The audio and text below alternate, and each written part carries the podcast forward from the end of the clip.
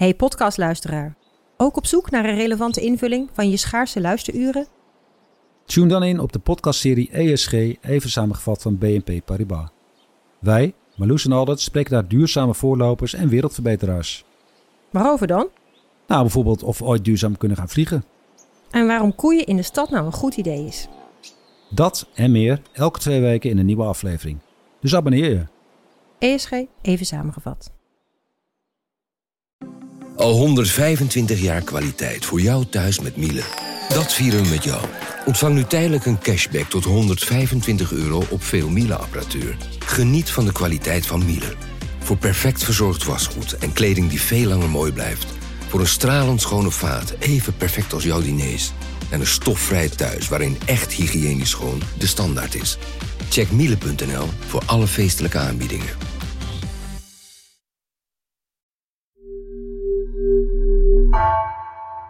Hey, hallo daar. We hadden gisteren voor jullie een heerlijke aflevering klaarstaan over het televisieprogramma BNB Vol Liefde. Maar toen was daar de dood van Wagner-leider Prigozhin. Omdat we jullie de aflevering toch niet wilden onthouden, zetten we die vandaag, op de dag van de seizoensfinale, alsnog online. Vanaf de redactie van NRC het verhaal van vandaag. Mijn naam is Gabriella Ader.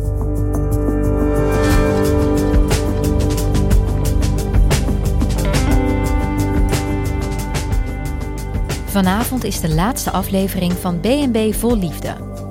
Miljoenen Nederlanders zijn in de band van dit tv-programma. In podcasts op de werkvloer, op sociale media en thuis op de bank wordt de reality-serie eindeloos nabesproken.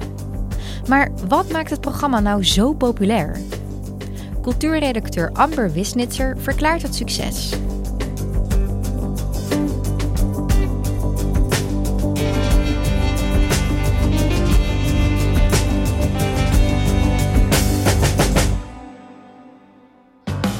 Diverse uithoeken staan ze te trappelen. Acht Nederlandse B&B-eigenaren die klaar zijn om de liefde te omarmen. Ze hebben hun gastvrije skills tot in de puntjes geperfectioneerd... maar willen nu hun hart openen voor die ene bijzondere persoon... die hun wereld op zijn kop zal zetten. De afgelopen zomer zaten elke doordeweekse avond rond half negen meer dan een miljoen Nederlanders klaar voor de televisie. Want dan werd op RTO 4 dat realityprogramma uitgezonden. Het is een datingprogramma waarin eh, de kijker kon zien hoe B&B-eigenaren in het buitenland op zoek gingen naar de liefde. Het is alweer het derde seizoen en de kijkcijfers bleven maar oplopen. Welkom bij B&B Vol Liefde. Is dan gewoon mogen trouwen. En nog meer dan voorheen leidde dit seizoen tot allemaal discussies op sociale media, tussen collega's, vrienden, familie en vooral ook thuis op de bank. Wanneer gaat Walter weer eens dansen? Gaat Elise nou met een ander naar huis? Waarom hebben Martijn en Tamara ineens ruzie? Denk jij dat Talia nog terugkomt? Heeft ze Olaf nou afgewezen of niet? Het programma wordt van jong tot oud gekeken. En naast een miljoen tv-kijkers is het ook nog eens het populairste programma op het streamingsplatform Videoland. Dus echt een zomerhit. Mijn collega Ilse van Knechtsel en ik uh, zagen deze hype gaan en we dachten, nou, wat is hier aan de hand? Wat bezielt mensen om zeven weken lang, een uur per dag, dit programma te kijken? Wat verklaart nou die enorme populariteit van B&B Vol Liefde? Ik heb het nog nooit gekeken, moet ik heel eerlijk bekennen. Um, ik zal een van de weinige Nederlanders zijn. Maar wat voor programma is het precies? Nou, daar was ik zelf dus ook wel benieuwd naar. Um, ik had het ook nog niet voorheen gezien, de eerdere seizoenen. En dit seizoen, de enorme hoeveelheid aan content. Flink aantal uur heb ik er in een paar dagen doorheen gejaagd. Wauw. Dus mensen die ik over de vloer kreeg, die zei ik dan ook: Ja, je bent alsnog welkom. We hebben al afgesproken, kom vooral gewoon langs. Maar die tv gaat niet uit. Dus je moet wel BNB Verliefd met mij kijken. En dat bleek eigenlijk nooit een probleem. Nee? Nee, nee, die keken graag mee. Oh, wat goed. En uh, de nachten doorgehaald met uh, BNB Vol Liefde? Uh, ja, haast wel. Oh, wauw. En um, ja, waar keek je dan precies naar? Heel kort gezegd is het programma een kruising tussen het programma Ik Vertrek, waarin Nederlanders naar het buitenland gaan om daar een droom na te jagen, en Boer zoekt vrouw. Er zijn oproepjes geplaatst van acht B&B-eigenaren in het buitenland. Dus die zitten in Zweden, in Frankrijk, in Thailand, ga maar door. Hallo, ik ben uh, Marjan. Ik zoek een man tussen de 55 en 68 jaar of zo. Ja, een beetje Bourgondisch. Uh, en hij moet echt van dieren houden, want anders wordt het nooit wat. Uh, ja, dus kom maar op mannen. En die eigenaren die zijn zelf ook al heel erg goed gecast. Dus je hebt er een paar tussen zitten met wie je echt goed flink kan meeleven. Uh, je hebt er ook wat excentriekelingen bij zitten, zoals uh, Walter, die, uh, de tantra-danser in, in Frankrijk. een frikadellenfanaat heb je zitten in Thailand, die heet Martijn. de, de deelnemers die kiezen dan uit binnengekomen filmpjes ook een aantal kanshebbers. Hoi Marjan, mijn naam is Gerry. Dit is een van mijn passies, salsa dansen. Kijk nou. En ik ben graag bereid om je dat te leren. Goedendag, Lender. Ik ben nu klaar om liefde te geven aan een interessante man zoals Jay. Ik ben iemand die een relatie zoekt van hart tot hart. Dat lijkt me nou heel erg fijn. Ja, daar krijg ik een heel klein beetje jeuk van. En die komen vervolgens naar de B&B. We gaan naar Walter en komen nooit meer terug. We gaan naar Walter en komen nooit En dan begint het avontuur. En uh, hebben ze dan dates? Ik moet dan een beetje aan, aan Boer zoekt vrouw denken. Ja, dat zou je denken. Maar het wordt helemaal aan deze mensen zelf gelaten. En in de praktijk komt het er vaak op neer dat, ze, dat je heel lang kijkt naar hoe ze samen klusjes aan het uitvoeren zijn. Hoe ze samen in de auto zitten. Hoe een kandidaat een B&B-houder echt moet overhalen om eens wat tijd samen te spenderen. Want het is zo druk. Mm -hmm. Dus heel veel gedate wordt er eigenlijk niet. Oké. Okay. En uh, ja, ze kunnen dus naar huis worden gestuurd. Dus het is de hoop dat er iets moois opbloeit. Maar het kan elk moment gebeuren dat een van de twee zegt: Ja, ik voel gewoon geen romantische klik. Of ik voel het vonkje niet. Ze, ze praten heel veel over klikjes en vonkjes. en dan weet je als kijker eigenlijk al: daar gaat weer zo'n mooi sprookje. Ik wou eigenlijk nog wel even met jou zitten. Ja, dat is goed. Ja? Ja. Met een kop thee? Ja. Mm -hmm. Ja, ik denk dat mijn tijd er hier wel een beetje op zit, hè? Ik denk als het uh, bloemperkje klaar is, dat het uh, wel goed is dan. En of het dan alleen dat, dat uh, die aantrekkingskracht en, ja, is, dat het... dan gaat hij weg. Of er bloeit toch liefde op. En wat was jouw eerste indruk van dit programma? Ik moest even inkomen. Want ik dacht, waarom moet ik precies naar deze mensen kijken? Maar op het moment dat je eventjes naar die mensen blijft kijken, dan snap je het ineens wel. Want je ziet er ook eigenlijk um, heel herkenbare figuren zitten. Het voelde heel oprecht en heel kneuterig ook vooral. En ik ben ook echt niet de enige die die aantrekkingskracht heeft gevoeld. Want het wordt dus enorm goed bekeken. Mensen lijken er niet over uit, uitgepraat te raken. Uh, ze worden bijvoorbeeld nabesproken in podcasts. Je ziet het voortdurend op radio en tv. Oké, okay, dan gaan we nu door naar toch wel het hoogtepunt van misschien wel het seizoen. Nou, ik vond, nou voor mij was dit echt het hoogtepunt van het seizoen. Oh, dat was zo lief. Oh, ik kon hier, ik daar, hiervoor kijk ik B&B voor liefde. En dan komt er, dat vind ik echt een geweldige scène. Dan komt er een clash tussen de vriendinnen Claudia en Anne. Op sociale media gaan er allemaal snippets rond. Dus het wordt massaal gedeeld en besproken. Ja, die aantrekkingskracht is groot, hè? maar waar ligt dat nou precies aan? Ja, om die vraag te beantwoorden is het goed om te beginnen met reality TV. Wat maakt dat aan zich nou zo populair? Dat hebben we ook voorgelegd aan mediawetenschapper Linda Duits. En volgens haar is de kern uiteindelijk dat kijkers geïnteresseerd zijn in verhalen over menselijke relaties en emoties. En vroeger hadden we daar dan soapseries voor. In de loop der tijd is, zijn die soaps steeds meer weggeduwd door reality TV. Ja. Dat is goedkoper te produceren. En het geeft ook nog eens een extra laagje echtheid mee. Terwijl je dus wel nog steeds focust op verhalen en op personages. Je denkt misschien dat je bij reality TV naar een soort ongefilterde werkelijkheid kijkt. Maar ook daar worden door de makers heel bewust verhaallijnen in aangebracht. Heb je daar een voorbeeld van misschien? Ik denk dan bijvoorbeeld aan zo'n Petri in Frankrijk. Dat is een vrouw van middelbare leeftijd die al een hele tijd single is. Maar um, nu toch wel weer eens toe is aan een partner. Zij is voortdurend in beeld gebracht als iemand die sociaal vrij bot en onhandig is. Uh, wat ze ook echt wel zal zijn. Er zijn voorbeelden genoeg van, maar er werd zo op gefocust. En dat werd online door RTL ook voortdurend gedeeld als een meme, waarin ze het ook nog zo hebben bewerkt dat je een soort van cartoonachtige boxgeluiden hoort elk moment dat ze iets onaardigs zegt.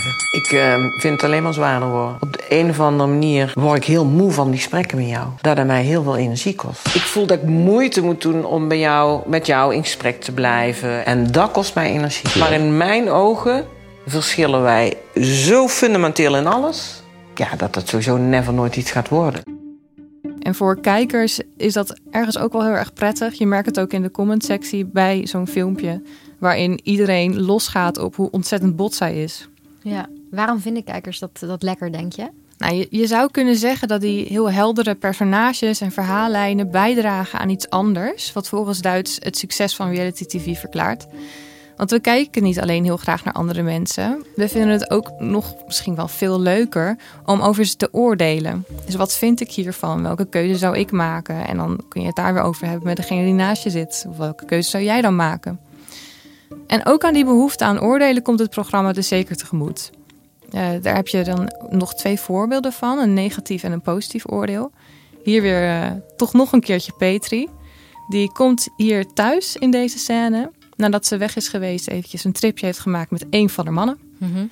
En een van de andere mannen die is ondertussen aan de gang gegaan met het snoeien van een boom. Zo, je bent lekker bezig geweest. Zo, hè? Ja. Maar uh, is het een beetje naar tevredenheid, uh, mevrouw uh, Damen? Zal ik het eerlijk zeggen? Ik zal mijn zonnebril bij afzetten. Ja? Ik kom hier aan. Ik ben meteen helemaal niet blij. Oh. Het is helemaal niet wat mijn bedoeling was. En daar baal ik echt heel erg van. En vind het ook sneu, want jij doet Ja. hartstikke je best. Maar dit is helemaal niet zoals ik deze boom Oh, wel gewild had. pijnlijk, hè? Het is heel pijnlijk om naar te luisteren. Die, die man die dacht een goede daad te doen. Ja, die blijft heel beteuterd achter natuurlijk. Je hoort het bijvoorbeeld ook aan dat muziekje op de achtergrond. Hè? Een beetje dat dreigende haast. Ja, ja, ja, ja. En w- wat is nou zo leuk om hier naar te kijken? Trouwens, ik lach hoor, dus ik snap het wel. Ik voel hem ook. Maar als je het probeert uit te leggen. Ja, wat ik toch wel merk is dat mensen hier heel veel aan hebben voor het hate-watchen.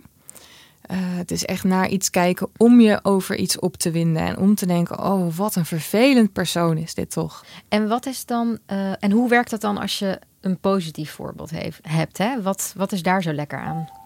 Eh, dan kan je juist nog veel meer meeleven met zo'n personage. Dan is die gunfactor daar. Dat, dat zit ook flink in het programma hoor. Dus je hebt bijvoorbeeld eh, een Debbie, die heeft een B&B in Spanje. En ehm daar komt een nieuwe man bij haar aan. Er zit er nog eentje. Het, is, het loopt echt tegen het einde nu van de, van de aanwas bij haar. De spaal loopt nog rond en dan komt er toch nog een nieuwe vent. Naar wie ze al heel lang heeft uitgekeken. Want dat vond ze echt wel een goeie. Maar ze is heel achterdochtig. Want zo'n mooie, leuke man van haar leeftijd en nog single. Daar moet iets mis mee zijn. Dus in deze scène is ze hem aan het natrekken op sociale media. Wanneer Paul ook nog eventjes binnenkomt om eh, ja, een duit in het zakje te doen. Achter een bureautje. Even Harry eh, screenen op social media. Oh. Wat vind je ervan? Wat vind je van hem? Eh, Wel een gedistingeerde Ja, heer. ja. En eh, op zich leek hij me wel leuk. En wat vind jij dan? Of wil je het niet kwijt? Nou, het is geen, het is geen, onaantre- geen onaantrekkelijke man nee, natuurlijk. leek mij ook niet. Ik, wat, ja, het is echt raar voor mij om dat aan jou te zeggen. Ik vind het een, het is een, een- hij ziet er maar voor mij mogelijk Mr. Goodfellow. te goed. Het is te, te strak, te strak. Het is te correct, te perfect. En ik denk ook ik niet zo dat goed ik niet in. helemaal niet zijn soort- soort vrouw ben waar hij op valt. Oké, dat zou nog kunnen. Ik denk dat hij gewoon zo'n... eh, of je dan PC-hoofdmeisje, maar gewoon zo'n perfecte vrouw. Die zijn natuurlijk zat. Een PC-hoofdmeisje. PC-hoofdmeisje, ja. En wat, wat maakt dit zo lekker om naar te kijken? Omdat Debbie denk ik toch wel voor heel veel mensen die, die gunfactor heeft. En dat heel herkenbare. Ja, als, als je dan iemand gaat daten waarvan je denkt dat is een leuke, een leuk persoon. Uh, ja, maar dat, dat toch eventjes kijken online of dat wel klopt. Eventjes kijken, ben ik dan eigenlijk wel leuk genoeg voor deze persoon? Dat zit bij haar heel sterk. En die Paul die zij over de vloer heeft. Ja, je, je gunt het die twee samen ook. Ja. Enorm. Dus iedereen eh, die aan het kijken is, hoopt eigenlijk stiekem dat Paul en Debbie bij elkaar eh, Ja, eindigen. Met ja. elkaar eindigen. Ehm, ja, we hebben dus die verhaallijnen, we hebben de personages, we hebben het hate-watching, we hebben identificatie, hè, de gunfactor van uh, de deelnemers. Wat is er verder nog waardoor iedereen zo massaal naar B&B vol liefde kijkt? Ja, wat denk ik ook wel een heel belangrijke rol speelt, dat is een bepaalde behoefte aan authenticiteit. Dus dat niet gelikte, het knullige, het alledaagse, um, dat zit in dit programma ook heel sterk. Dat heeft denk ik ook te maken met het verlangen van mensen om zelf eigenlijk die liefde te zoeken. Om zelf naar het buitenland te gaan en daar iets op te zetten. Of in elk geval die dromen te hebben. En op het moment dat je mensen die best wel op jou lijken, of op je ouders, of op de buurvrouw, als je hen ziet die dromen vervullen of najagen, dan maak je het toch een beetje mee. Maar je hoeft het niet zelf te doen. Je hebt niet dezelfde risico's van afgewezen worden of verhuisd naar het buitenland zonder echt een heel strak plan. Het is een heel veilige manier om toch al die drama te ervaren. Je hebt hier bijvoorbeeld in deze serie Walter zitten. Walter is sowieso uh, een opvallend figuur. Die is een tantra-danser en die is erg spiritueel ingesteld. Deed het ook heel goed online. Um, hier gaat hij picknicken met een van de dames die hij over de vloer heeft. En zij besluit om haar hart eens te openen.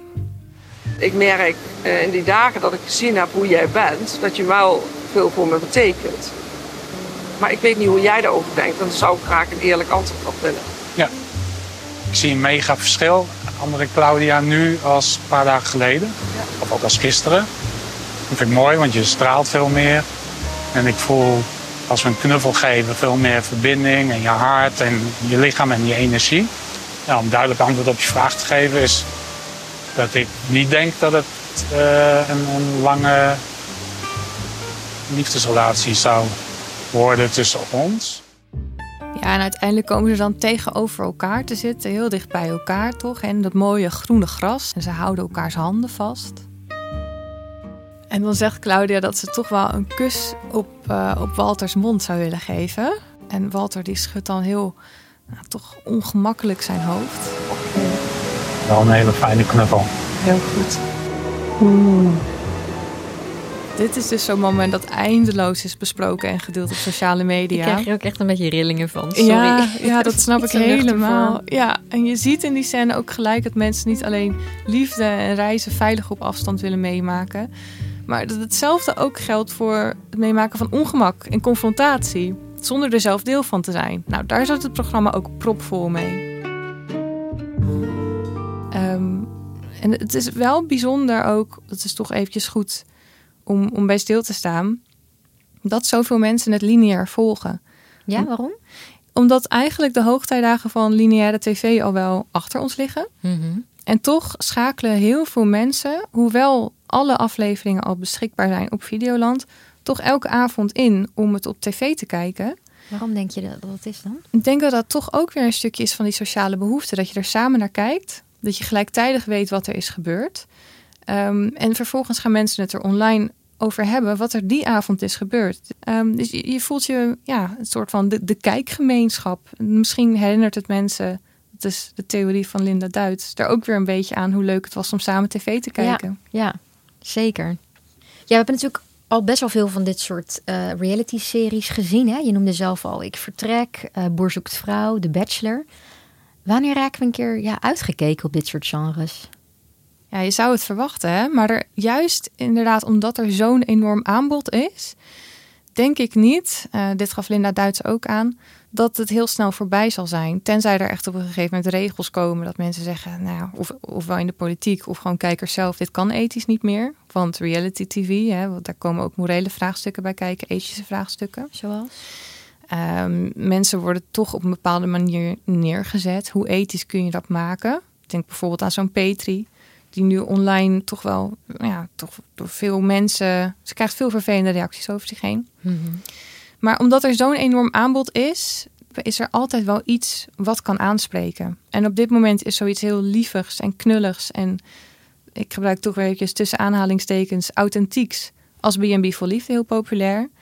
En op het moment dat mensen daarop zijn uitgekeken, ja, misschien dat we dan weer meer behoefte hebben aan een Temptation Island. Ja, maar in ieder geval vanavond is dus de laatste aflevering. Ze hebben daar een speciaal eh, B&B voor Liefde weekend van gemaakt. Om Oh. eh, het einde toch nog maar eens eh, heel goed te vieren. Nou, veel plezier. Dankjewel. Je luisterde naar vandaag, een podcast van NRC. Eén verhaal, elke dag. Deze aflevering werd gemaakt door Ignaas Schoot en Stef Visjager. Coördinatie door Henk Raagok van de Werven. Dit was vandaag, maandag weer.